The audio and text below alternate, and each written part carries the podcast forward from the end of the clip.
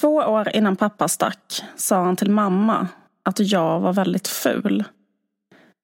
Han yttrade den meningen lågt i den lägenhet mina föräldrar som nygifta hade köpt i Rione Alto högst upp på Via San Giacomo di Capri.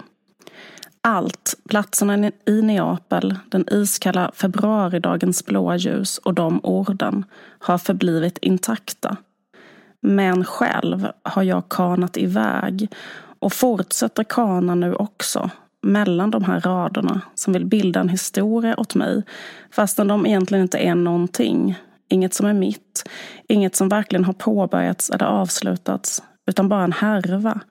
Och ingen, inte ens den som just nu skriver, vet om den innehåller rätt tråd för en berättelse eller bara är en trasslig sorg som inte kan skänka någon befrielse. Vad var det där? Nej, ska...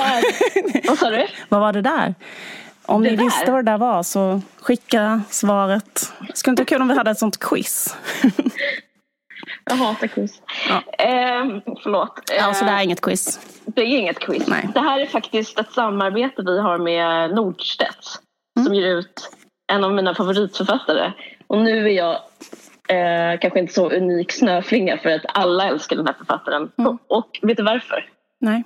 För att hon är svinbra. Ja. ja, det är det är alltså Elena Ferrantes nya bok De vuxnas lögnaktiga liv. Och den kom ut um, nu i höstas och uh, på, uh, på svenska på Nordstedt. Och vi uh, gör ett samarbete med dem och just den boken. Mm. Jag läser den just nu. Precis innan du ringde så la jag faktiskt, la jag faktiskt från mig den bara och jag är helt inne i den för den, den är så himla gripande. Den handlar jag ska inte gå in så mycket på vad den handlar om men man kan säga att den handlar kanske då om fulhet, mm. att vara ful och sådär. Eh, vi kan återkomma till det men det jag tycker är så bra med den här och så folk som har läst Ferrante innan nog känner igen vad jag menar det är att eh, det är från barnets perspektiv. Mm. Alltså det är sanningen om att vara ett barn. Mm. Och det är liksom så jag vet inte, det är omskakande för det, jag, jag har liksom inte läst någon som ens bryr sig om det perspektivet. Alltså barn är ofta objekt mm. i litteraturen. Mm. Eh, och att läsa om ett barn som subjekt fast med en språkdräkt som i allra högsta grad eh, men världens bästa språk. Och, ja. ja, men, men ja. Jag, jag tycker inte kanske hon, hon har inte så bra språk utan det är mer som att språket är liksom väldigt vuxet och direkt och eh, eh, det är liksom psykologin är liksom rangordnad högre än språket och språket liksom är, liksom, eh, är tjänst för mm. psykologin och, och, den, är så, den är så otroligt klockren. Jag är faktiskt väldigt eh, påverkad av det där för jag har barn själv. Jag tänker liksom nu har jag inte skrivit om just de här grejerna men jag och mina barn pratar om till exempel rädsla rätt så mycket. Alltså ett barns värld kan vara rätt så skräckfylld. Bara liksom vi pratar om hur, hur det ja. är i en trädgård när det är mörkt. Ja. Och så pratade jag med min dotter om det och, och jag började direkt tänka på det när jag läser den här boken. För att det är liksom som att ett missförstånd om verkligheten kan bli liksom ett barns verklighet. Och sen i den här boken är det väldigt snyggt gjort. För, det ska, jag ska inte, inga spoilers men liksom det, det missförståndet om verkligheten barnet har i den här boken är ödeläggande för hela livet som spelas mm. upp. Så. Mm. Det är väldigt väldigt eh, bra gjort, väldigt unikt gjort. Eh, Man ska ju säga att det här är, hon är mest känd för den här eh, eh som kallas för Neapel-kvartetten. Ja. Den är så här, den här som börjar med eh, My Brilliant Friend. Just det. Eh, och, eh, men det här är då en eh, fristående ny bok. Ja, inte som inte, Nej, den handlar inte om dem. Inte om Elena och dem. Nej, Nej exakt. Utan det här handlar om en, en ny karaktär. Eh, ja.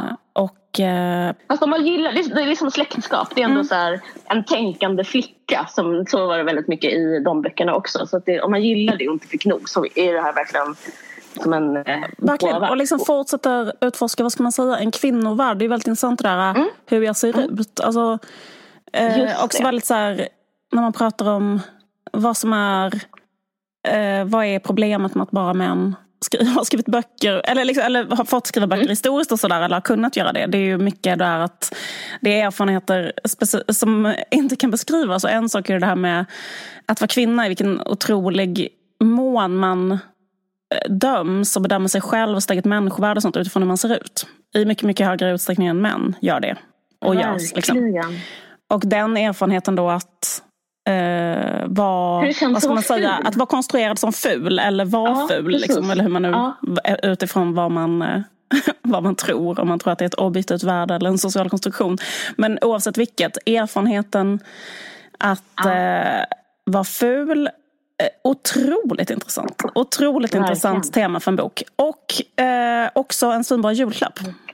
Den här boken. Ja, och det bästa mm. är att vi då, det här är ett samarbete som vi bottnade såklart. Mm. Mm. Men eh, det, vi har ett eh, erbjudande att mm. man kan köpa den här boken just nu på Adlibris för 165 kronor.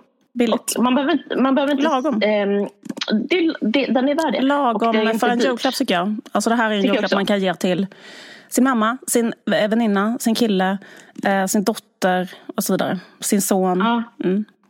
Det är ju väldigt billigt för en så inbunden fin bok, 165 spänn. Men just nu så kostar mm. den 165 spänn för det är sänkt pris just nu på Adlibris. Så ni kan bara gå in på Adlibris och uh, köpa den här boken och så kan ni ge den till någon eller ge den till er själva. Extremt mysig uh, jullovsläsning. Verkligen. God jul.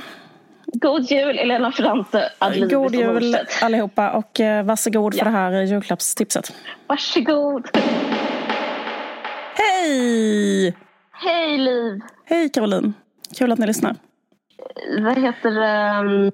Jag är inte, förlåt ljudet, eh, jag är hemma. Alltså vi kicking, in, kicking it like old times för att eh, på grund av pandemin får inte jag gå till Aftonbladet. Så att jag, ja. Precis, pandemin har förbjudit Caroline att gå till en studio så vi måste spela in henne per telefon. Men eh, mm. förhoppningsvis så går det att lösa.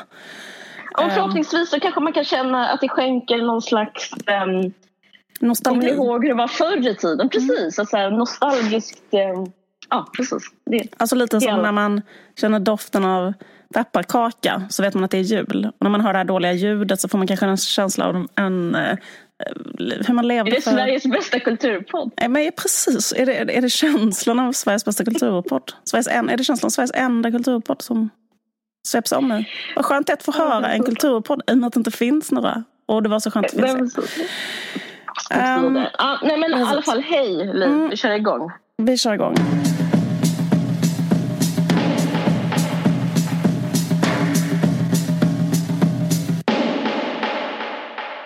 Prins Charles och Diana är ja. på tapeten just nu, minst sagt. Verkligen.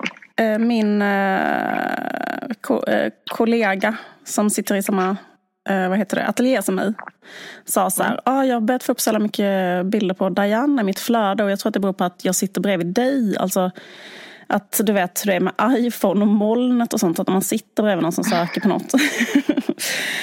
Eh, så hon trodde att, jag, att det var på grund av att jag satt och sökte hela tiden på Charles och Diana, men det gör jag fan inte. Eh, utan det är ju för att eh, de är i allas flöden just nu. På grund av The Crown. Mm. Mm. The Crown går ju, det har varit fjärde säsongen. Det är liksom, det, den har precis släppts på Netflix, kan man säga så? Den har, väl, den har mm. hållit på ett tag. Men, den, den fjärde kommer ju nu. Den fjärde kom nu, exakt. Ah. Um, men den har ju, känns det som att denna säsongen har liksom exploderat och blivit mycket större än de andra säsongerna. Eller? För att det här uh, Mm, Innehållet är mer, mycket mer juicy och upphör aldrig att fängsla folk och göra folk besatta. Och eh, det är rätt så intressant varför just eh, Diana har en sån mm. sinnessjuk appeal på människor. Eh, men i alla fall, när man ska skildra deras historia då. Vad hände mm. mellan Charles och Diana? Då mm. är det ju såklart en fråga om liksom urval och det har ju varit en massa Liksom, Ola visade mig en rolig skämtsida som gör så skämtrubriker typ. Där någon hade skrivit så här mm. rubriken. Man is wondering, did Queen Elizabeth drink tea?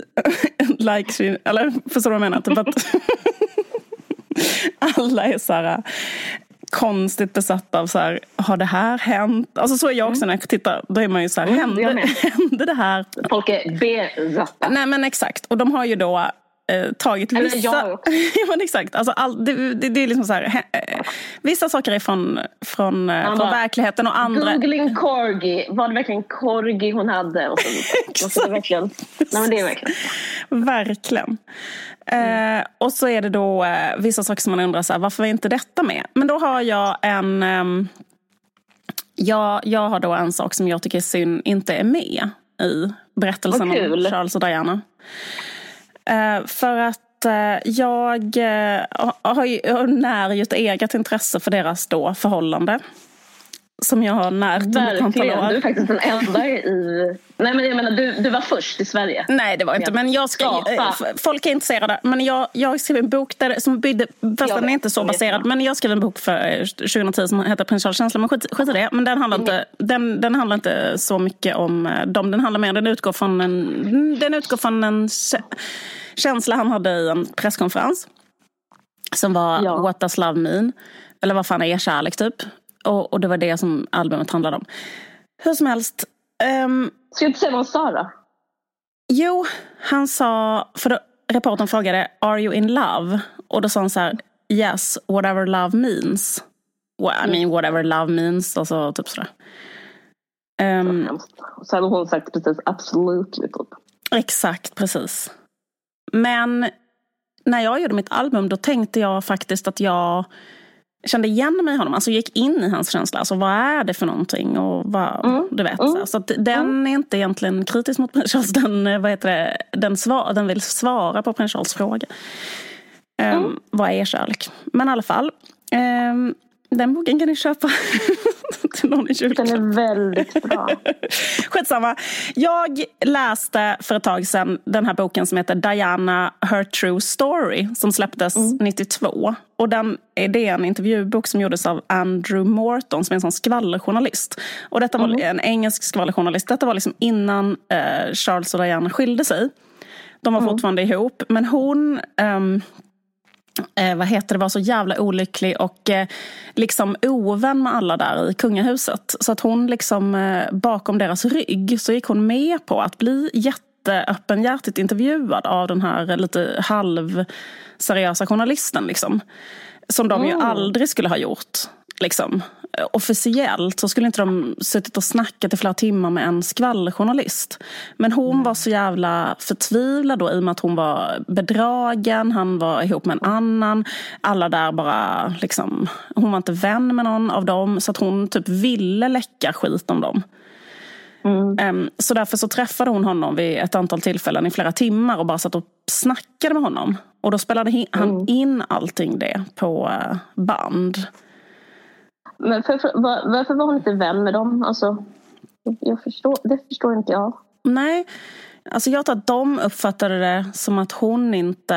Alltså jag tror att hon gillade vissa, hon gillade, hon säger själv i den här då, hennes, eh, eh, den här intervjun så säger hon att hon gillar Princess Anne till exempel. Hon, men, men hon kommer inte överens med den där mamman i familjen. För att eh, Mm.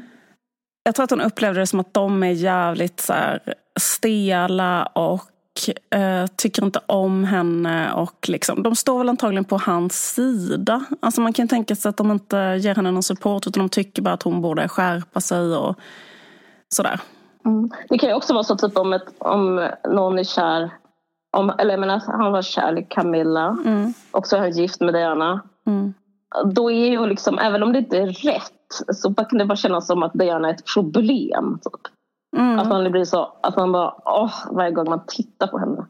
Och där är det där problemet igen. Alltså jag kan tänka mig att det kan också vara något sånt. Att det behöver inte vara ens liksom, ha någon rimlighet utan bara liksom, och så, så, Men- hon kan ju inte precis. hjälpa det. Liksom, Men, men lyssna här eh, hur hon berättar till exempel om hur det var. Alltså hur illa det Mm, var. Mm, Det är så här, till exempel den här scenen berättar hon. Mm. Att hon träffar sin syster Jane och då har Diana på sig eh, shorts och en V-ringad tröja. Och så frågar systern, vad är det där för märken som du har på benen och bröstet? Och då säger Diana, men det är ingenting. Men egentligen är det då, berättar hon så här, kvällen innan var det att jag ville prata med Charles om något. Men han ville inte höra på. Han påstod att jag bara hittade på. Då tog jag en pennkniv från skrivbordet och skrapade mig över bröstet och låren. Blodet rann, men Charles såg fullständigt oberörd ut. Mm. och eh, det här är en annan sak som hon berättar. När hon var gravid med deras första barn. Då hade de ju bara varit gifta i några månader.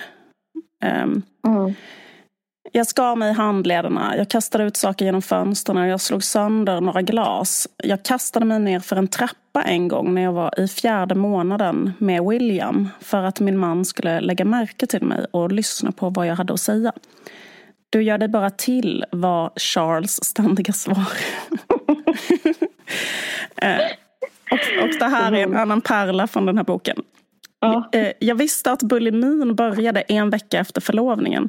Charles nöp mig i midjan och sa Du är visst lite knubbig. Det var de orden som satte igång processen. Plus hans förhållande med Camilla. Jag var så ledsen och förtvivlad. Det var hemskt. Ja, jättehemskt. Men det här, alltså de har ändå tonat ner honom. För att det här, de här sakerna, hon säger att hon skar sig själv med en fruktkniv. Alltså hon gjorde två mm. självmordsförsök. Mm. Um, när hon var sådär precis i början. Men vad intressant för att de, för kritiken nu är ju att de har eh, att han är för porträtterad för, för vicious. Jag vet, jag vet. Jag blev jätteförvånad att inte den här grejen med att han nöp henne i magen och sa att hon var knubbig, att den inte var med. För den satt jag och mm. väntade på nämligen.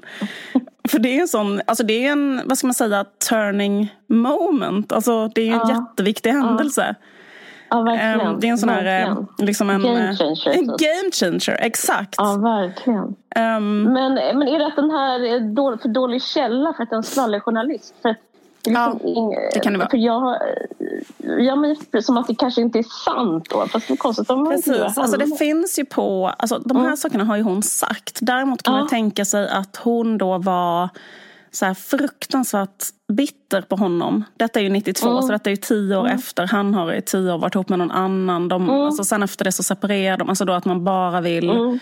kasta skit på den andra liksom och så vidare. Och att det kanske inte känns som en balanserad... Alltså man kan inte bara ta kanske hennes... Eh, nej, hennes vittnesbörd. Liksom. Nej. Däremot så tror ju jag såklart att det här har hänt. Varför skulle inte det här ha hänt? Alltså förlåt men... Ja. ja.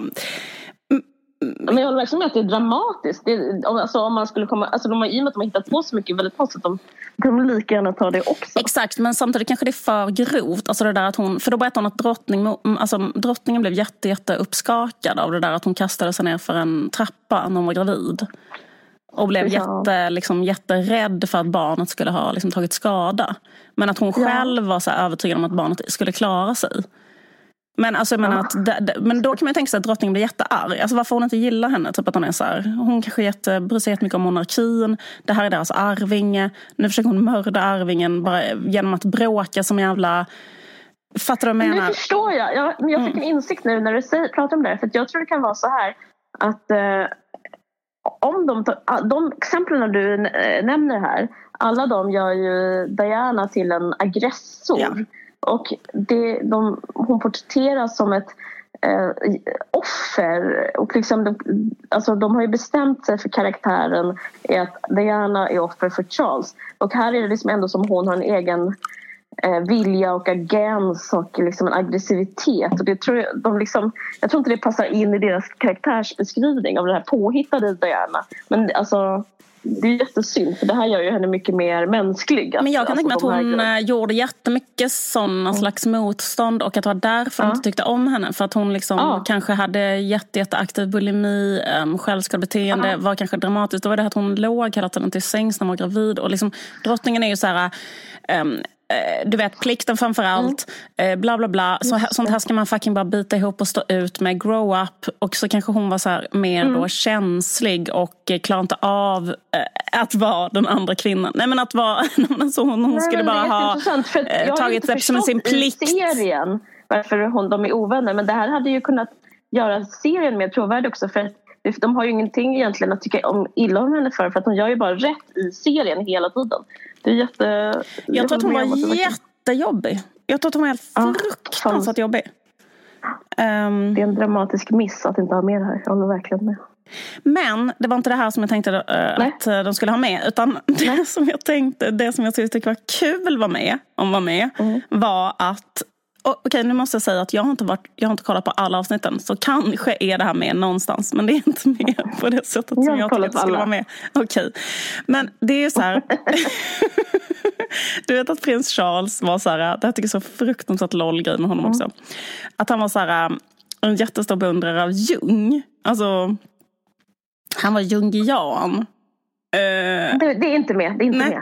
med. Men, och han älskade en annan en författare som är en sydafrikansk liksom, mystiker, jungian, filosof, äventyrare, eh, mångsysslare som heter Laurens van der Post. Lawrence Wanderpost. Jag kan inte uttala det. Han kom från Sydafrika. Han är så afrikans. Alltså sån slags mm. vit sydafrikan. Alltså en gammal bor. Ja, en boer, exakt. Därför vet jag hur man uttalar det. På ett holländskt sätt. Laurens eh, Vanderpost. I alla fall. Men han är så otroligt loll karaktär. Och jag fattar inte varför inte Laurens Vanderpost har fått vara med i serien. Eh, för han är då, han är liksom gudfar till prins William. jag vet. Och han är typ en sån gubbe, alltså han är en bästsäljande Eh, författare. Han dog 96, men innan dess har han liksom haft ett segertåg sedan han föddes 1906 i en sån boer um, ehm, på en sån farm typ i Sydafrika. Um, han har sålt miljoner böcker. Och hans stora så här claim to fame är att han liksom menar på att han kan förstå han har liksom menat på att han kan så förstå och uttolka så bushmen i Kalahari-öknen. Um, och att han liksom har skrivit om dem. Och eh, han har skrivit liksom så jävla mycket böcker om dem. Och eh, eh, alltså detta är böcker som absolut inte skulle passera någon sån postkolonial alltså, analys. För att det är liksom böcker som går ut jättemycket på att de är Du kan tänka dig hur de böckerna är. Alltså de är skrivna på 50-talet och så det, eller 60-talet. Och så heter de sådana här saker. Eh, A place far away. Alltså, som heter saker som... det är typ så ja. Ingen som har läst en analys om centrum och marginal skulle skriva döpa sin bok om Bushman till A place far away. Men i alla fall, mm. så här, men det är så, så jävla loll med honom är att han menar på att han är, liksom, han är så mystiker och jungian och menar på att, de, eh, att han kan uttolka dem, att de liksom har... Och, och, och, och han... Eh, skitsamma. Eh, han, han är så jävla inflytelserik och har skrivit så fruktansvärt mycket böcker och var vän med alla inflytelserika personer. Han var också vän med Thatcher och han var Thatchers rådgivare i Sydafrikafrågor. Och man tror att det är han som gjorde att Thatcher inte embraceade Nelson Mandela. För att han var mot Nelson Mandela. Um... Precis, det, det är klart att, men det är klart att liksom, en sån människa måste ju vara Ja, men han var inte... Eh, det han var han var, mot, han var för apartheid? nej, han var inte för apartheid. Han var för en annan ledare som inte var så vänster som Nelson Mandela. För grejen är att han var men han, en annan svart ledare som liksom tillhörde en pyttelite annan falang. Så att han var inte för liksom, apartheid men han var så mot Mandela för att han var en brinnande antikommunist. Han skrev också en bok som heter A Flamingos Feather. Jag tycker alltid det är kul för jag tycker han låter så påhittat. Om jag skulle hitta på en, så här, en jätterolig mm. så här, gammal... Eh, är inte det kul namn på en bok? A Flamingos Feather. Och det är ett antikommunistiskt manifest. Eller sånt, en antikommunistisk roman. Men i alla fall, A Flamingos Feather har varit en otrolig bästsäljare. Nu har inte jag läst så jag ska inte skratta åt den. Men han var i alla fall, han brann för att det inte skulle bli kommunism rasism i, i... Och då menade han på att Mandela, för Mandelas parti var ju vänster liksom. Mm.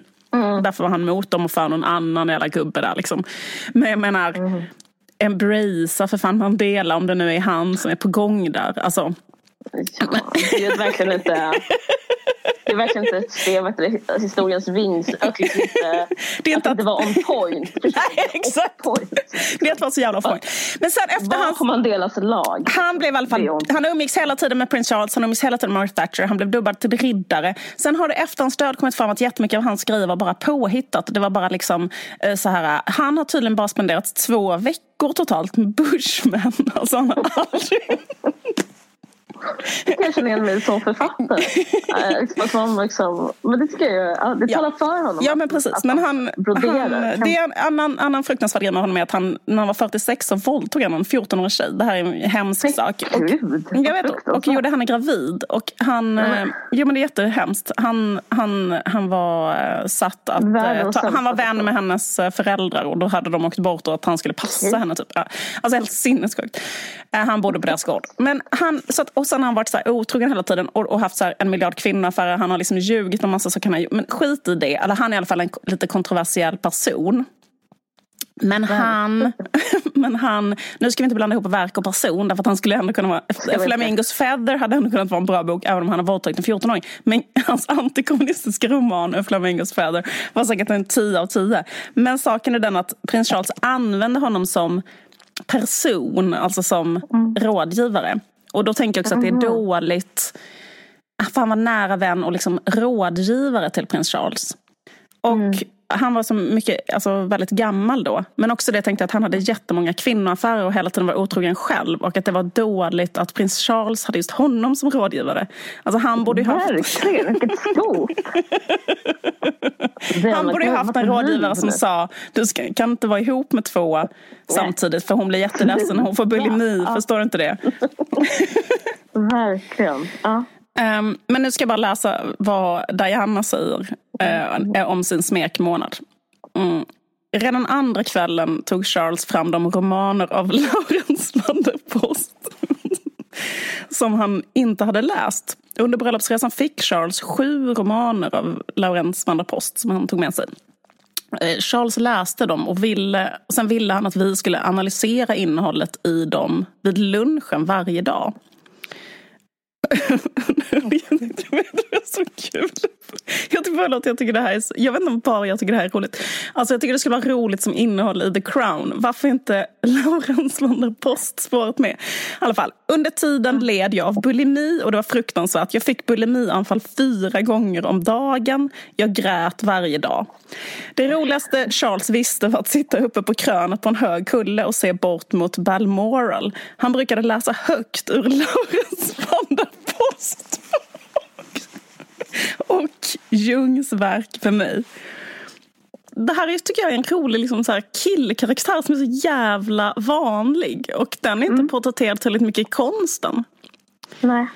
Varför kan inte den sidan, alltså den här mästrande konstiga killen som sitter så här och läser högt eller vill, alltså tvingar ja, henne. Dominant. Ja, och tvingar henne att vid lunchtid varje dag analysera flamingos fötter. När hon är liksom Nej, det är fruktansvärt. Men det är fruktansvärt. Lyssna nu på detta vad som hände sen. Detta skulle också varit med i avsnittet. När vi kom hem bad Charles att Laurence van der Post skulle komma dit och hjälpa mig. Alltså med hennes bulimi. Men... Så att hon träffade honom. Um, men tyvärr broderar inte hon ut deras möte mer. Men hon skriver bara så här. Men Laurence förstod sig inte på mig. Nej. Och man bara, va? Kunde inte den, kunde inte den jungianska mystikern hjälpa henne med hennes bulimi som var expert på Bushman, expert inom quote unquote och expert quote unquote på Sydafrika-frågor och så här, serie eh, liksom kvinnokarl slash pedofil. Polygam. Ja, Nej, men polygam. Och, Fan, våldtäktsman. Ja, exakt. Han, han, kunde, han kunde inte förstå vad Diana behövde. Men, men, han, men, men, Charles gick i psykoanalys hos hans fru. För hon var en jungiansk psykoanalytiker, hans fru. Och, och, eh, och Diana gick, när Diana gick i terapi så var det en annan vän till dem, alltså till paret Vanderpost som liksom de rekommenderade till henne. Så att hon var helt i händerna, alltså rent också psykologiskt på deras... Eh, och också att han var jättenära vän med Margaret Thatcher. Men skulle inte det vara ett bra avsnitt? Först börjar det med att de sitter på en kulle och han läser högt ja. och tvingar henne analysera en flamingos fötter. Och sen att Laurence van der Post kommer till um, Balmoral typ och ska hjälpa Diana med hennes bulimi. Jättebra. Och sen en scen där han rådger Margaret Thatcher att inte embracea Mandela. och en rådger att fortsätta med Camilla. Det Just det, precis. Apropå den här gestaltningsdebatten Mm. så har jag märkt en sak när jag sett nu den senaste säsongen som är man brukar tjata så här, att man ska ha show och inte tell. Mm. Men vissa typ har, eh, har argumenterat för att man ska ha tell. Visst, det går jättebra med tell men kanske inte show för det är typ förlegat. Som, och sen så vet det, men det är intressanta med The Crown som är min kritik mot The Crown eh, och deras form av gestaltning det är att de har show and tell and tell and show and tell. Att de har så Alltså det är verkligen, de har så, mm, mm, de typ, vad heter de, de har både eh, hängslen och eh, Byxor? eh, Nej, hängslen och, och svångrem. skärp. Vad heter det. Hängslen och skärp. Att liksom, och det liksom tycker jag är så Att de har show och tell? show och tell hela tiden. Alltså, och sen så efter det så har de lite mer tell. Till exempel typ, om det, först har de att, en sån prolog, är nästan här varje avsnitt, jag vet inte om du tänkt på det, som är så här, eh, man ser kanske ett nyhetsklipp om Just det. eh, någonting som, om. Ja, arbetslösheten. just det, just det. Mm. Ja, precis. Så ser man att Thatcher säger att hon tycker att saker och ting är eh, eh, var och ens eget fel. Mm. Och sen ser man eh, liksom, En en, man, gestaltning, en dramatisering. En man går in till drottningen och så säger drottningen jag är emot arbetslöshet och emot Thatcher. Alltså, det, också, Mm. det har jag också emot att de har gjort drottningen vänster. Alltså hon är lika vänster som min röv. Alltså, det är så roligt att så här, vänsterdrottningen, man bara, nej. Eh, det har jag googlat jättemycket på apropå den här grejen att man står inte ut och vet om det är sant eller inte sant. Liksom, hon hon har liksom aldrig gjort liksom, skarpa uttalanden att hon var emot olika grejer som, eh, som Thatcher var för. Utan, alltså, de har ju gjort som att Thatcher och drottningen utspelar liksom en duell. Men liksom, eh, det finns, egentligen var det ju Thatcher mot eh, det brittiska folket som hade Mm, liksom en konflikt. mm, mm. Det var liksom, om man ska vara helt ärlig så var ju, får man ändå så här Alltså, drottningen känns liksom inte helt ohöger om man ska liksom, alltså, hon är liksom mer, hon är ju inte på liksom um, gruvs, eh, det finns ett avsnitt Det är väl liksom, väldigt svårt, ja. Gruvstrejksarbete. Nej men hon har Nej, aldrig det är väldigt, nej, nej, nej, nej, men det är klart att hon har ta- uttalat sig, men jag bara menar, det är väldigt, väldigt mystiskt. Alltså, jag har väldigt svårt att föreställa mig de samtalen. Alltså, nej, men jag vet inte riktigt eh, Jag vet, hur det är så de... mycket fantasi. Precis, exakt. Ehm, ja, nej men exakt. Det, det är väl Men jag jätte... tycker om de samtalen. Och de är liksom, de är liksom äggande på något sätt. Och från början var The Queen tydligen en pjäs på Broadway som bara var, som hette typ Audiensen hos drottningen. Och då var det bara olika premiärministrar som satt och pratade med drottningen. Så liksom, de- det är ju en spännande grej men, men det känns liksom eh, den här, vad heter det, det, det binära i att drottningen är vänster och Thatcher är höger tycker jag också är jätte um, okritiserad. Men, nej, nej men nu glömde jag vad jag skulle säga. Jo men den här grejen att, så här, nej, att det är väldigt mycket av allting. Liksom det här att man ska, och så efter avsnittet är slut så stod det så här fakta utan vad som hände med folket i egentligen. Till exempel det här avsnittet när arbetslösa mannen kom hem till drottningen och sådär.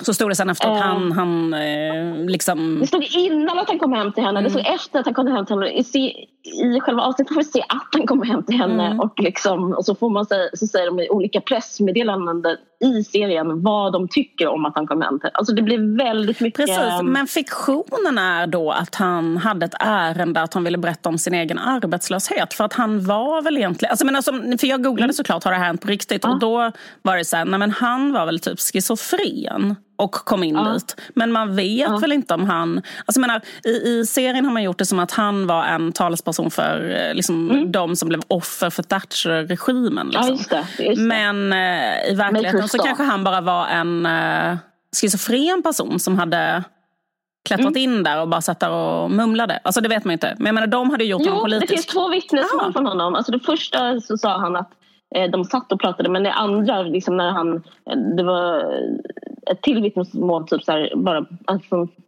nyligen. Då sa han nej men vi pratade ingenting.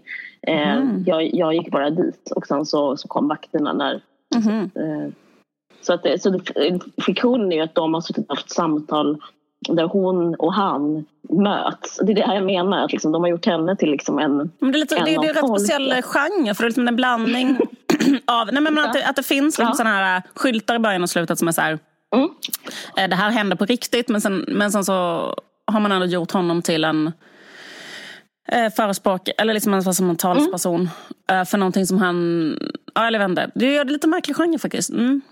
Det är jättemärklig genre och eh, man kanske skulle kunna tro om man eh, liksom lyssnar mycket på den här podden att jag är för att till exempel mm, den här dramatiska friheten mm. eller poetica licentia som, är, som det fint heter, att så här, man får göra vad man vill. Mm. Men faktiskt så tycker jag att just i eh, The Crown så blir det svårt. Det är liksom inte som autofiktion för att det är inte subjekten, Nej, inte de, de själva som säger det utan det är liksom autofiktion om den, det, är en objektifierad autofiktion. Så att det, det, liksom, det, det är inte jagets liksom desperata upprättelse för sin egen sanning utan det är typ, vad heter han, Peter Morgan, skaparen. Det är hans, det är hans version av sanningen av någon annan och, och också liksom samtidigt som man gör anspråk på ett riktig, den riktiga historien. Just, just det. Eh, och jag tycker liksom det, och det kanske liksom, jag tror känslan som jag menar, som att det, man, man känner så den, den, den, är faktiskt väldigt underbar, hela så här Storbritannien och Englands historia. Så den här nutidshistorien är, liksom, den är så romantisk och dramatisk. Och, eh, jag hoppas folk förstår mig rätt när jag säger, liksom, säger det här. För jag menar liksom IRA och jag menar liksom typ hur det var i Manchester. Jag menar liksom alla de här eh, den här gräsrotskraften, det här, mm. det här liksom ursinnet, mm. jag menar Thatchers järnhand. Alltså den historien är väldigt viktig mm. och liksom eh, Ja, och, och därför kan det nästan bli tvärtom när man gör anspråk på att berätta den historien och berätta den som den nästan var så blir det liksom eh, så kan det nästan bli, vad ska man, jag vet inte vilket ord jag ska använda men att nästan berätta hur en viktig sak var kan bli som att Desinformation. Värre än att inte berätta den alls. Liksom. Eh, ja, och det har ju blivit, bara, jag läste bara nu innan, alltså för 19 timmar sedan stod jag läste The Guardian och uppdaterade det här hela tiden. Så liksom har både kulturministern och eh, hov, före detta hovets talesperson, han är ju bias såklart men ändå så här mm, de har liksom börjat kräva Culture Secretary Oliver Dowden um, ehm, uh, eh, to say he he planned to write to the streaming network to request that a disclaimer was put up before the show was played, uh, so viewers would not misinterpret the portrayal as historical truth. Uh, det, alltså det är som Amanda Lind skulle göra något sånt. Hon skulle alltså göra något sånt. Men, Nej, men att man ska ha en liten skylt där det står så att det här är inte, händer inte på riktigt. Ja, precis. Nej, men exakt. Det är liksom fler och fler från liksom olika håll. Även Helena Bonham Carter som spelar Margaret eh, vill att de ska ha det. En pressperson pratar om då, det som jag tänkte på när du pratade om liksom Charles. Att liksom, det fanns så många grejer som Charles blir um, anklagad för i den här serien eh, utan, eh, alltså, utan att kunna försvara sig för. Och han var säkert dålig på massa sätt men till exempel att de ville förklara att hon var sinnessjuk, mentalsjuk. Säger hon någonting om det i den där boken du läste? Alltså den här boken, det är möjligt ja. att den här boken slutade, för det här gjordes ja. ju 92. Ja. Den här intervjun. Jag vet inte riktigt, för de separerade 92 och sen 96 eh, um, så skilde de sig på riktigt. Liksom. Men de levde så mm. skilda år till fyra år. Och då var det liksom... Men, men, eh, så jag vet inte om, om det skulle varit så att han Alltså eh, förklara henne som sinnessjuk om det var någon idé han... Alltså, det är inget som nämns i den här boken men menar, det, det kan ju ha skett efter det. Mm, okay. I serien så är det typ eh, på deras, när hon ska åka till New York, liksom tidigt, tidigt i deras okay. äktenskap. Mm. Men jag tror att man kan bli förblindad för det är nästan som att man hejar på ett fotbollslag till slut mm. när man ser den här serien. Och Diana är, hon har, hon har liksom, genom hennes gravsten så har hon liksom fortfarande otrolig karisma så man mm. är ju på hennes sida liksom, även här och nu. Det är så easy way out och att lösa Charles karaktär på det viset. Till exempel att han som far, han som pappa är, liksom, är kärlekslös mot sina barn. Och om jag skulle vara manusförfattare och regissör till det här eller, då skulle jag göra honom som en bra pappa. För det är också mer brutalt. Att, liksom, att älska sina barn men inte vara kär i mamman till barnen. Alltså de, gör honom, de, är så onödiga i deras eh, stora pensel. Att han är ond och hon är god. Och, eh, ja, precis, för, för jag har inte sett, ja. jag måste säga, för jag, jag har inte sett mm. alla avsnitt men jag har sett början. Men jag Nej. tyckte ändå, för jag blev lite förvånad för jag tycker liksom att Mm. Det är ändå så i liksom de historiska faktorna att jag menar de som familj valde ut henne mm. För att hon var en passande och väldigt mm. ung person och de liksom använde henne kan man säga mm. fastän han hade en relation med någon annan och det var liksom mm. uppenbart att hon bara var en pjäs liksom i, eh, på något mm. sätt. Och, och, det, men, och grejen är att det går liksom inte riktigt att göra om att de gjorde så. Nej. Men grejen är att jag, så, så, så, mm. jag tycker liksom att det var så här att, i, att det ändå var ganska så förmildrande omskrivningar av vad de gjorde mm. i de första avsnitten. För det finns till exempel en när mm. de är på jakt. Och så är det liksom att det är väldigt tydligt att så här, eh, den här eh, hjorten är liksom en symbol för mm. Diana. Och så, ska de, mm. så är hon där och så, och sen blir hon, och så blir hjorten skjuten. Och sen så hänger mm. det på, precis när de bestämmer att Charles, du måste, eh, du får inte fortsätta ha en konstig mm. affär med en gift kvinna. Och du måste gifta dig med henne. Och, du måste, och sen så är sista bilden typ att de hänger upp två sådana här huvuden mitt emot varandra. Typ att Eh, det finns två offer här. Mm. Eh, och de, de är lika mycket offer. Mm. Eh, upplever jag var berättelsen so far. Att liksom både mm. Charles och Diana är offer för den här konstiga institutionen som måste fungera på vissa mm. sätt. Och de, de maler ner människors liv liksom för att mm. ingen av dem ville det här eller det var inte deras riktiga känslor men liksom, de blev intvingade. Mm. De, de men, men senare blir det mer så att han är skurken eller? Mm. Ja, okay. Mm. då, är, då blir det så sen. För jag upplever inte att det var så. faktiskt, Nej jag håller med. I början är det som att han är som en liten pojke också på något sätt. Ja, jag blir så Eller han är deras son väldigt mycket. Över hur Nej, så, så Milton beskriver honom. Mm. Ja men precis. Nej, men så, så blir det typ att han inte kan krama sina barn okay. till exempel. och sådär. Mm. Och, och, det tycker jag är för, det är för enkelspåret. Mm. Alltså jag tänker alltså om man ska göra det här hårdare här. Alla vet den eh, grundhistorien att liksom det är resonemangsäktenskap arrangerat av eh, familjerna. Mm. Och det är ju liksom, som, som, du säger, det är brutalt i sig.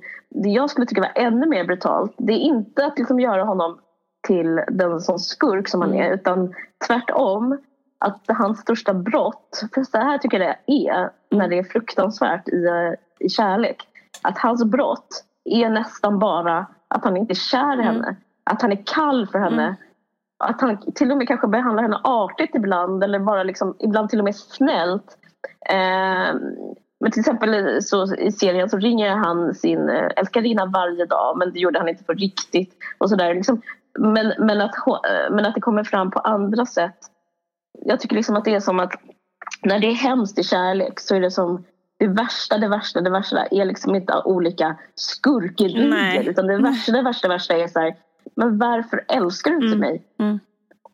Och det är totalt borta i den här mm. skildringen. Det finns mm. ingen gestaltning av att inte älska utan det finns bara gestaltning att vara typ ja, han är taskig och han, är, han har mm. glömt en present. Och han, alltså det är inte det som är grejen utan den här till och med om man kanske till och med vill älska mm, henne. Mm, mm.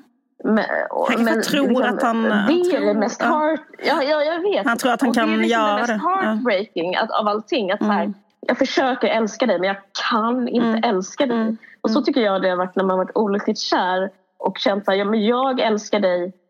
Och så liksom, ja, det värsta, värsta av allt nu är bara du älskar inte mig, mm. du har inga känslor. Och, och, också... och, jag kan inte tvinga dig till det. Och det är väl liksom hela tragedin. Verkligen. Och den det... ser inte jag i Nej. den här serien. Och det är också så jävla starkt det där att hon, hennes reaktion på det är att hon har bulimi. Och det är ju sån, sån grej ja. som är så här att när man är med någon som, mm. det är mm. meningen att den personen ska älska en för att man är gifta mm. liksom och har barn mm. tillsammans. Och så gör den inte mm. det och har aldrig gjort det.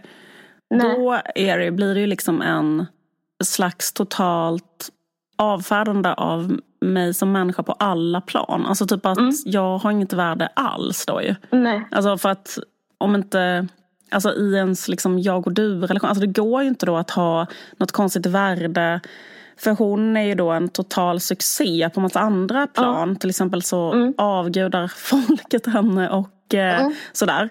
Men mm. eftersom man inte blir sedd i en sån jag och du situation och hon också är fast i den och kan inte få det så blir hon värdelös. Och det är det som mm. hon känner sig då, att hon inte är um, bra, hon vill tillräckligt ut sig bra. Liksom. Och eh, Nej, inte värdefull och inte... Men, men, men jag tycker, en, liksom, ja precis, för det finns också, för samtidigt, för, för jag är också väldigt fascinerad, för jag menar, så långt som jag har sett, nu ska jag, mm. nu är det jätteundermåligt om jag inte har sett klart den men jag, är, jag tycker liksom ändå att man blir väldigt intresserad av liksom Charles och Camillas kärleksaffär. För den är ju så enormt mm. romantisk. Och, och, eller jag menar, den är så fruktansvärt passionerad. Och det här mm. att de, alltså man säger, de här detaljerna i den eh, historien. Eh, att eh, de... Eh, till exempel det här att de hade de här smeknamnen på varandra. Och att de, alltså när han och det, det berättar hon i den här boken också. Mm. Så skitsamma vad som är mm. historical facts. Nu blir vi likadana fucking idioter som sitter och kollar på The Crown och pratar om vad som är riktigt och inte. Men liksom, jo, men jag tycker det är, intressant. Ja, precis. Ja, men, menar, det stämmer det där att han hade, det, att han hade manschettknappar hela tiden mm. med två så här ihopslingrade scen som symboliserar Charles och Camilla. Men vad är det för människa som gör eh, ett par manschettknappar. Alltså har du träffat en sån typ av kille någon gång? Nej, men alltså förstår du, hur, vad är det för konstig... Alltså, eller jag menar den typen av Unge Werther-sinnessjukdom. Ja, ja, men exakt, mm. men en sån enorm romantiker. Och då är det liksom för att han ska säga hej då till henne. Då ju. Alltså det är ju när han säger mm. hej då till henne som han låter göra dem som ett konstigt minne. Och då betyder de att eh, egentligen så ska du och jag vara tillsammans och alltid vara tillsammans. Och, och det var ju det han menade också. Det var, alltså, jag menar, det var mm. så som hände sen och hans liksom total... Mm. För jag menar, för, för, fast jag tror, alltså, apropå det där med att man tar parti för henne och så. För jag tror att hon var liksom en eh, Eh, och sen liksom väldigt, väldigt liksom jobbig. Alltså också för att han inte älskar henne. Hade han älskat henne så hade han ju tyckt om henne som hon var. Mm. Men han är ju typ tio år äldre och hon är ju typ 18. Och hon, liksom, och hon mm. eller menar, han vill sitta och diskutera böcker. Och mm. eh, diskutera Jung och sådana saker. Och hon är liksom ett barn som mm. bara vill kanske så festa. Alltså. Jag menar, så att för honom är det... Han, alltså jag tycker att man kan förstå honom. Alltså, men också mm, att, han, att det är en totalt outhärdlig människa att vara med. Som är bara så här, mm. helt liksom, anti-intellektuell, liksom, ointresserad av allt som han är intresserad av. Jätte, jätte, jätte, jätte reaktivt självskadebeteende hela tiden. Alltså de här mm. olika så här, otroligt så här, ja, skitsamma.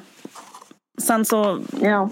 var grundfelet deras för att de liksom köpte henne typ som en slags boskap för att hon skulle fylla en funktion i familjen. Liksom. Vilket var fel. Liksom. Men det tycker jag också är mm. fel. Och jag, men det tycker jag de gör men det fick ju de sitt straff av också. Alltså, jag menar, det är ju på något sätt deras liksom, stora felsteg att de gjorde så. Ja, verkligen. Det blev ja. inte bra. Nej. Det, det, det, vet du, vet du, bet dem i röven. Ja, exakt. Det, det bet de verkligen i röven. Nej, men jag tycker liksom det, är därför jag menar, det är också incoherent eh, att i eh, drottningens psykologi, om hon är en person som är kapabel att typ ja, liksom, människohandel med, med. Människohandel, precis, så sofistikerad ja. människohandel.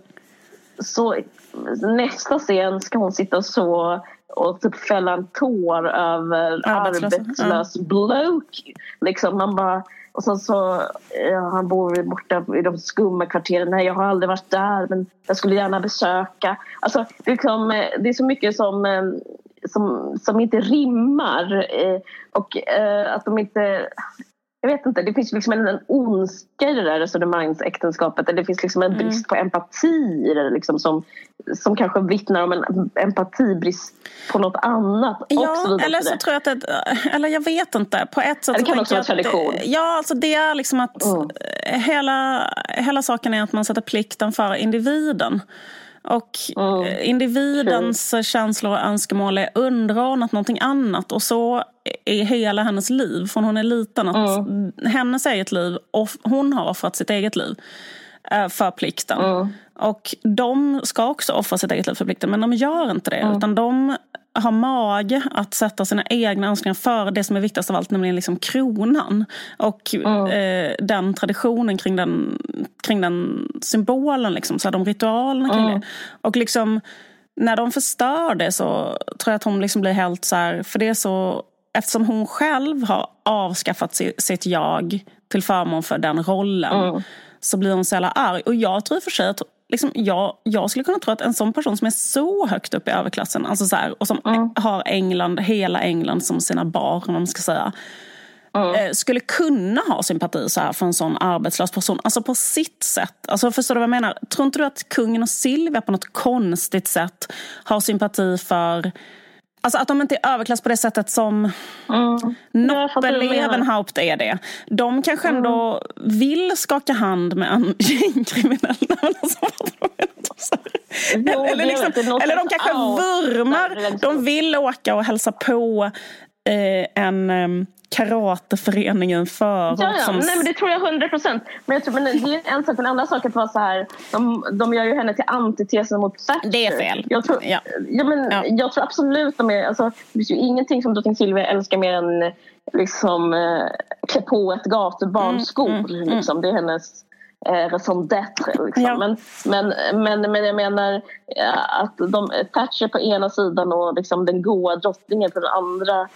Eh, ja, jag vet inte. Jag, jag tycker det är konstigt. Det är Eh, konstigt. Om man är emot konservatism, om man är emot eh, Thatcherism Ja. så, så måste ändå liksom, man måste få in kungahuset där. Alltså det är liksom det är ju det, liksom kronan på verket. Liksom, Ja, både hennes- och, både och. För att Ja, Thatcher var ja, ju kanske. nyliberal. Så att hon var ju Ja. liksom Hon var ju liksom inte konservativ på det Nej. sättet. Utan hon var ju mycket mer radi- hon var ju radi- väldigt, väldigt radikal i sin verkligen. liberalism. Hon var ju liksom en galen nyliberal. Ja, Och jäm, ja. många av kanske mer traditionella konservativa kanske ändå då eh, tyckte det var fel att göra så radikal samhällsomvandling som hon gjorde. Alltså, Ja, så, så skulle man kunna säga. mycket kritik inom partiet också. Precis, så att jag menar hon var ändå så här. Men skitsamma, jag håller ändå med. Självklart så, jag tror bara att hon är en helt väck tant. Alltså, men jag tror inte att hon, alltså vad jag menar? Den tanten. Ja, jag vill bara säga att jag tror inte hon är vänster. Det är bara det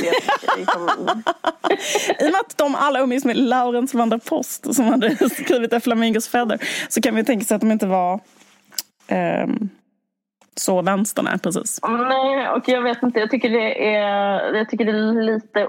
Oh, vad heter det? Inte så renhårigt. Av liksom, alltså det, det är också att flirta med tittarna att göra det så. Alltså det är så mycket sånt. Men skit i det. Fast samtidigt så tycker jag ändå att det är en riktigt god eh, serie. Alltså jag tycker ändå... Alltså det är som en eh, Game of Thrones typ. Fast... Eh, Fast, en, eh, fast, en, också lite- fast man slipper fantasin. Alltså man slipper drakarna.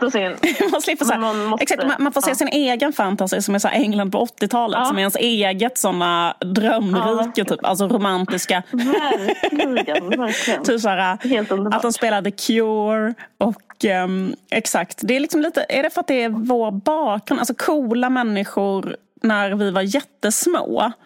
Ehm, Ja, men det är liksom höll på med- romantik. Det är, Ja, vår liksom, exakt. det är vår liksom vad vi avtecknar Ja, oss emot. det är det. Alltså, Ja. det är liksom någon Det är hela all som musik är- som kom på 80-talet från England. Ja. Exakt. Och all eh, kultur, populärkultur och all liksom, eh, politisk, eh, all Ja, politisk som gav en influens. liksom ett existensberättigande som ungdom. Typ. Ja. Alltså, det, är liksom, det är väldigt härligt. Uh, nej, men jag har också en sista kritik i min recension. Och det är uh, nya drottningen då. Alltså inte um, Claire Foy utan vad heter det, Olivia Cole. Heter hon så? Jag vet inte. Ja, det, det är hon. Och hon. Hon fick en Oscar för... eh, Det här är liksom... Det här är min konspiratoriska sida. Men hon, hon var med i en film där hon var huvudrollen med Emma Stone. Som, den filmen heter The Favourite. Har du sett den? Nej. Den vann Oscar för två, två, eh, den var Oscars-nominerad menar jag, för två år sedan. Mhm. Eh, den, den är otroligt bra. Hon spelar, hon spelar en drottning i eh, det brittiska hovet. För typ, jag vet inte vilken drottning hon spelar då, men en Ja, men det är en sån här kostymdrama typ, som handlar om eh, en lesbisk Otroligt relation. bra. En lesbisk relation, en flippad, perverterad lesbisk relation. Eh, och så, så, det är två stycken kammarjungfrur som tävlar om att vara drottningens favorit. Och de håller på med så sexuellt spel och den är liksom helt eh, Mm. Underbar. Underbart filmad, liksom dov och mörk och eh, typ, eh, snuskig. Liksom. Mm. Alltså, det är en helt fantastisk film. Eh, Den kom för två år sedan. Hon gör liksom sitt livs eh, rollprestation i den här filmen Som drottning. eh, Mm. som drottning. Eh, och då hon är liksom eh, liksom fläskig med eh, Alltså fläskig inte liksom med hennes kroppshydda nödvändigtvis men liksom hon breder ut sig, hon har typ liggsår, hon vill bara typ få oralsex. Så är hon hela tiden. Mm. Eh, och efter det ska hon, fick hon massa hyllningar och de hyllningar förtjänar hon. Men sen så liksom fick hon den här rollen mm. baserat på den rollen. Mm. Och jag upplever att hon har tagit in element från den filmen, från The Favourite, in i den här serien där de inte alls är hemma. Alltså min drottning, min, min, mm. min Queen of England, hon är liksom har mycket mer stiff upper lip och mycket ja. mer stel och liksom uppe det blå och liksom eh, vad ska man säga, liksom opak. Alltså att man inte får kontakt med henne eller liksom, hon är liksom på ett annat konstigt sätt. Och jag tycker liksom den här drottningen har för mycket färg och form i, i, i, sitt, i sitt spel. Mm. Eh, och, men jag tror att och hur recensenterna är, det här är ju liksom en kritik mot recensenterna också, att de tror att de recenserar den filmen, för alla har liksom sett den filmen som, som typ är lite filmnördar eller liksom tv-nördar. Så att liksom, det går inte heller att angripa hennes spel för att hon är en jättebra skådespelare. Fast inte här, men ja, du, du vet. Jag tycker däremot att uh, Gillian Anderson är väldigt bra som Thatcher. Jag tycker hennes, hennes spexiga röst liksom håller och sådär. Vad tycker du? Om ja, jag bara avgudar, alltså jag bara avgudar hennes uh hennes ja. liksom, alltså själva den karaktären och hur ja, hon spelar den och allting. Ja. Så att liksom eh, oavsett hur den, eh, den, det är liksom, det är bara as underhållande och kul och bra verkligen, liksom hela tiden. Sen så kanske det är pyttelite, jag menar det kanske är lite too much karikatyr men det är ändå liksom. Jag vet inte, jag tycker det är njutbart. Nej men jag tycker också det, det är 100% njutbart. Um, och uh, och det är ju så jävla roligt. Liksom, det är väldigt mycket som är så jävla kul med hur hon är överhuvudtaget. Alltså det är ju väldigt kul. Um, hon är ju en mm. helt otrolig karaktär. Alltså, men hon är, så här, uh, och var ju det på riktigt också. Alltså, jag menar bara att det man vet om henne är också en, um, en helt sinnessjuk jag blir, jag blir väldigt sugen på att läsa mer om den, fördjupa mig i den historien. Verkligen. Uh, om, men det för, den som vann Man Booker Prize nu har skrivit, jag har börjat läsa en bok som handlar om om, fast utifrån en, en familj, hur de påverkade under thatcherismen, alltså hur de påverkades eh, av Thatcher-eran. Den vann um, The Booker Prize.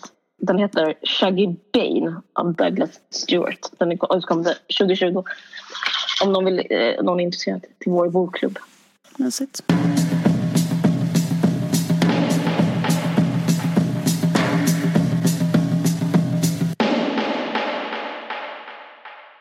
Men jag tänker, vad tror du om, eh, om man skulle göra en The Queen i Sverige?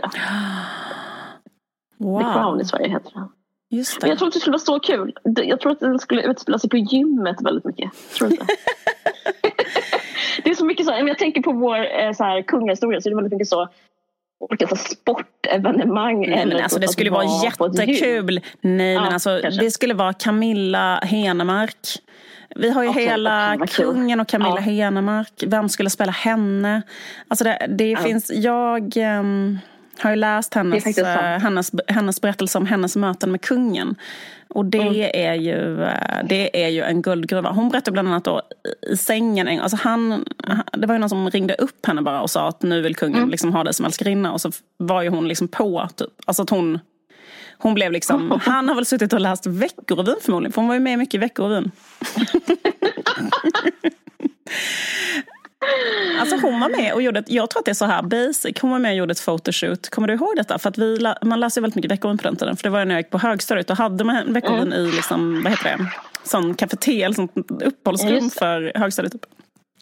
Hon gjorde mm. nämligen en, någon form av photoshoot där hon hade på sig en krona och var insvept på ett sexigt sätt i svenska flaggan. Som att det var så här, mm. jag är fucking queen of Sweden, typ. Något konstigt sånt eh, reportage.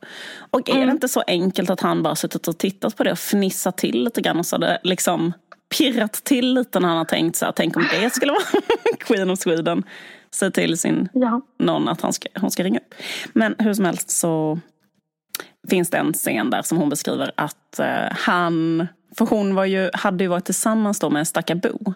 Och då hade han, eh, gillade han den här låten, Here we go again, here we go. Och då hade han eh, tränat in den, rap, rappen. Så att när de typ låg i sängen så performade han hela den. Här var den för temple of consumption. Som en liksom roligt skämt till henne. Att jag Åh gud kan också underbart. rappa det här. Det är, Nej, det var bara att- det är helt... Det är, Men- vilken humor han har. men, Otrolig den, kille. men den scenen skulle man, var ju Den, det är Nej men vet du vad som också finns i vårt kungahus? Vi har också melankoli och tragedi. Vi har också liksom att kungens farsa dör. Mm. Så kan vi, alltså vi har, alltså det finns ju allt. Och sen så har vi också en eh, homosexuell, liksom, hur svårt det var för Gustav den femte. va? Jag tror du pratade om Carl Philip. Jag bara, vad en kontroversiell åsikt. du bara har Nej, den åsikten som alla... var kung, eh, som gammal åsikt om 1980 Carl Philip. Nej. Nej men han var ja, just mellan det. 1908 och 1950. Han var bisexuell och det rådde ingen tvekan om. Alltså, Nej. han var bisexuell. ja. Eh, så att liksom, det finns också den, tänk vad, det, det, Ja, men det tänk ju- den motsättningen. liksom. ja men alltså jag tror absolut. Det Det, finns, det finns drama. Det finns drama. Mm. Jag vet inget om de här tidiga Oscar, eh, den första, men det finns säkert uh, otroligt mycket. Tror du inte? Eh, De är ju Ja. roliga på något sätt för de är ju med pe- periferin.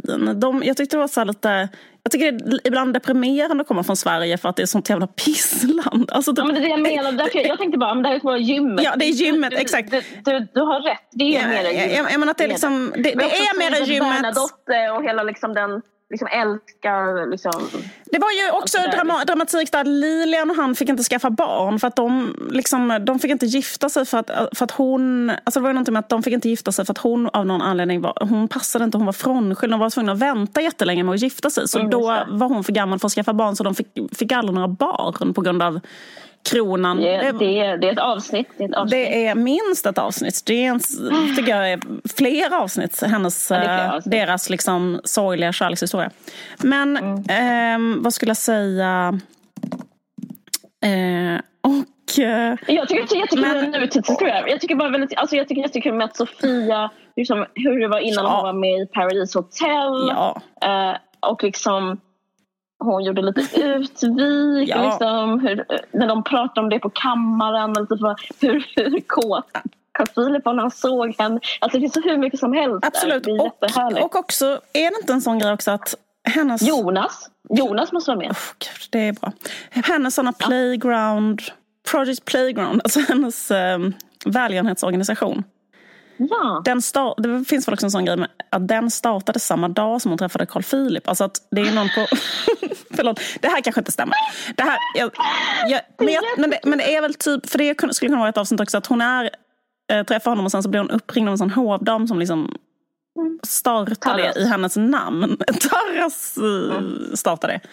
För att det var väl sån grej att hon, Nu. om hon har det så kan vi inte säga att hon... Det är lite som den där Wag the Dog. Alltså att han blir ihop med den här eh, Paradise Hotel-tjejen. Men om hon då är... Om det visar sig att hon själv har drivit... Alltså vilken tjej driver själv en välgörenhetsorganisation? Alltså med en kompis? Jag menar det existerar, alltså jag menar då skulle hon väl jobba med någon annan. Men det är ju väldigt ovanligt. Alltså att hon som privatperson var en fattig student skulle ha en egen välgörenhetsorganisation. Men hon kanske hade det, jag vet inte. Men det finns väl också någon teori om att den startades på grund av att hon träffade honom. Skitsamma, det skulle kunna vara ett avsnitt. Nej, men, det skulle, men, men apropå att de är i periferin. Det är ju så att de var inte ens inbjudna till, det tycker jag var pin, liksom att de inte ens, de är liksom, var inte ens bjudna till, exempel till Megans och Harrys bröllop. De var absolut inte inbjudna till Williams och Kates bröllop. Alltså de är liksom inte, Våra... nej jag tror inte de är på den listan liksom. Jag tror att de är, Sluta pinsamt. jag vet, det är dör. jag vet det är jätte, Det jättepinsamt. tycker jag är verkligen ett eget avsnitt också. Jag tycker det är jätteintressant. Ja, att de Men är liksom gud, en... hemskt. Ja, men jag vet. Men alltså, okej, jag kan ha fel. Kan det stämma? Hoppas du har fel. Nej, jag tror att det är så att de typ skickar eh, sån kandelaber. Eh, Det kan man också med när, när Daniel har det där liksom, han vill ju att barn ska börja träna. Ja, Eh, han har ett sånt lopp i Hagaparken som du vet att jag... springa. eh, Alltså, vet han är min vänta lite nu. absoluta favorit i kungahuset. Så jag vill inte säga någonting negativt om honom. Nej, han är min bara liksom... säger, Han är den nu. som jag tycker... Han har ett lopp i Hagaparken. För barn. med fetma typ. Ja. Jag bodde ju där. Och Jag gick på en promenad så sprang jag det loppet ofrivilligt. Så gick jag rakt ner. Så var tvungen, alla var jättesmå. Men jag, eh, jag korsade mållinjen. Där stod Daniel. Det här är helt sant. Det här pratade vi i podden innan. Du har fått på den innan men det är, den är så bra den anekdoten så den kan vara med. Men fick du en så, typ en, en egen guldmedalj som alla fick runt halsen? Nej, jag bara liksom, jag bara försökte, jag bara liksom dunstade liksom åt sidan och sen så kom massa barn efter och sprang och jublade. Det var jättepinsamt. Jag, jag var bara ute och flanerade. Ja, det var jättekonstigt. Men, men allting makes sense. Han bor ju i Hagaparken. Eh, det var, ingenting var konstigt egentligen. Det var bara jag som inte orkade ta en annan väg. Det var, jag trodde det bara var vanliga barn som liksom höll på. Jag tycker det skulle vara jättebra. Det skulle kunna handla bara om kungen tycker jag. Alltså det börjar liksom med kungen när han är barn, hans mm. pappa dör, alla hans systrar. Det finns ju mycket med hans systrar också. De sålde sådana magiska armband och sånt. Alltså de är också lite Alltså de sålde sådana läkande armband. Nej men alltså en av dem hade någon sån, hade någon sån scam business, någon sån bondfångare. alltså hon bor på Mallorca och säljer någon slags här helande ja. armband och sånt där. Birgitta? Ja, hon kan ju vara med. Och, eh, men, det är, men de är inte lika bra, det är inte lika bra som Margaret. Alltså jag menar, det är rätt så kul det med armbandet men det är inte, liksom, det är inte tio av tio. Nej, det är inte Margaret. Nej. Nej. Eh, men, men, det skulle vara jättekul om det var ett avsnitt om att de inte blev bjudna. Fast men liksom, du har väl inte sett några mingelbilder på vad hade Victoria och Daniel på sig på eh, liksom Williams Kates bröllop? För de var väl inte där? Alltså, då, jag tror inte de är A-list. Alltså, det är jättehemskt, jättepinsamt. De, det är väl också, de är väl inte kungar, så de är väl bara någon konstig adel från Frankrike som har bott här i 70-40 år. Eller så. Nej, men alltså, de är... ja, men den här serien kommer behövas för en PR-grej tror jag. Att göra Make, make kungahuset hot again. Ja, Uh, det var jävligt men, mycket lösa spekulationer på slutet. Ni får inte ta det här för fakta utan ni måste se det som The Crown. Jo. Typ att man googlar och ser, har det hänt på riktigt? Det här att de magiska armbanden, allt är baserat på så lösa, lösa minnen jag har och samlat upp nu här. Okej. Okay. Mm. Um, Okej, okay, men eh, tack för att ni lyssnat och tack Aftonbladet Kultur. Uh, för att vi är en del av er. Mm, exakt. Tack så mycket Aftonbladet Kultur. Tack. Um, tack Caroline. Vi, vi hörs om två veckor. Två tack veckor. Liv. Mm. Hej då. Tack för att ni lyssnar. Svarta gryningsmjölk. Vi dricker den om kvällen. Vi dricker den om middagen, om morgonen. Vi dricker den om natten. Vi dricker och dricker. Vi gräver en grav i skyn. Där ligger man inte trångt. En man bor i huset. Han leker med ormar. Han skriver. Han skriver när det skymmer till Tyskland. Ditt gyllene hår, Margareta. Han skriver det framför huset och stjärnorna blixtrar. Han visslar hit sina hundar. Han visslar fram sina judar, låter gräva en grav i jorden. Han befaller oss spel, nu till dans. Svarta gryningsmjölk, vi dricker dig om natten. Vi dricker dig om morgonen, om middagen, vi dricker dig om kvällen, vi dricker och dricker. En man bort i huset. Han leker med ormar, han skriver. Han skriver när det skymmer till Tyskland, ditt gyllene hår, Margrethe. Ditt askgrå hår, Sula mitt. Vi gräver en grav i skyn. Där ligger man inte trångt. Han ropar, stick djupare i mullen, ni där ni andra spela och sjung. Han griper efter järnet i bältet, han svingar det, hans ögon är blå. Stick spadarna djupare, djupare, ni där, ni andra fortsätt spela till dans. Svart gryningsmjölk. Vi dricker det om natten, vi dricker det om middagen, om morgonen, vi dricker det om kvällen. Vi dricker och dricker. En man bor i huset. Ditt gyllene hår, Margarete. Ditt askgråa hår, sylar mitt. Han leker med ormar. Han ropar spela ljuvare, döden, döden är en mästare från Tyskland. Han ropar stryk mörkare fiolerna, då stiger ni som rök i luften. Då har ni en grav i molden, där ligger man inte trångt. Svarta gryningsmjölk, vi dricker det om natten. Vi dricker det om middagen, döden en mästare från Tyskland. Vi dricker om kvällen, om morgonen. Vi dricker och dricker. Död är en mästare från Tyskland, hans öga är blått. Han träffar dig med kulan av bly. Han träffar exakt med sitt skott. En man bor i huset, ditt gyllene hår, Margarete. Han hetsar sina hundar mot oss. Han ger oss en grav i luften. Han leker med ormar och drömmer döden. Är en mästare från Tyskland. Ditt gyllene hår, Margarete. Ditt askgråa hår, Sulamit. Okej, det där var alltså Paul, Paul Celan. Och eh, det är en av eh, världslitteraturens främsta poeter. Och den här kända dikten heter Dödsfuga. Todesfuge heter den egentligen. Um, och jag vet inte om det var too much att läsa upp den, men grejen är, jag vill bara säga att den här Paul Celans De rumänska dikterna finns liksom på Nextory. Och även den här veckan har vi ett samarbete med Nextory. Och eh, idag, liksom, eller här, för några dagar sedan så var det hundra år sedan Paul Celan föddes. Och han är en av de mest eh, betydande poeterna i efterkrigstiden. Hans poesi är helt otrolig och i en i den här gapiga tiden där alla bara säger vad som är bra och dåligt och främst dåligt så kan man bara kanske sluta tänka om det är hur bra eller om det är dåligt att bara läsa eller lyssna på Paul Celan som finns på Nextory och känna någon slags samklang med verkligheten och nuet och faktiskt den tragedin vi är mitt i just nu. För att han skrev om en tragedi som hände då, efter kriget, alltså efter andra världskriget. Och jag vet inte, det kanske hjälper någon. Um, vi är i alla fall väldigt glada att vi får samarbeta med Nextory som gör den här podden möjlig. Och till eh, nytillkomna lyssnare som vill prova Nextory så är det gratis de 30 första dagarna. Man behöver bara slå in koden VARG eller skriva in koden VARG så får ni eh, tillgång till de här, den här underbara boken Paul Celan, de rumänska dikterna. Sen kan man gå vidare. Man kan punda vidare på det här och börja kanske med Ingeborg Backman och läsa Malina och sådär. Men ja, det här tycker jag är ett väldigt bra en väldigt bra början om man vill eh, känna av Europa ungefär för hundra år sedan. Nej, men liksom 80 70 år sedan i alla fall. Ja. Okej. Okay. Gå in på länken nextory.se kampanj och ange koden VARG. Så får ni en månad gratis. Ja. ja. Tack.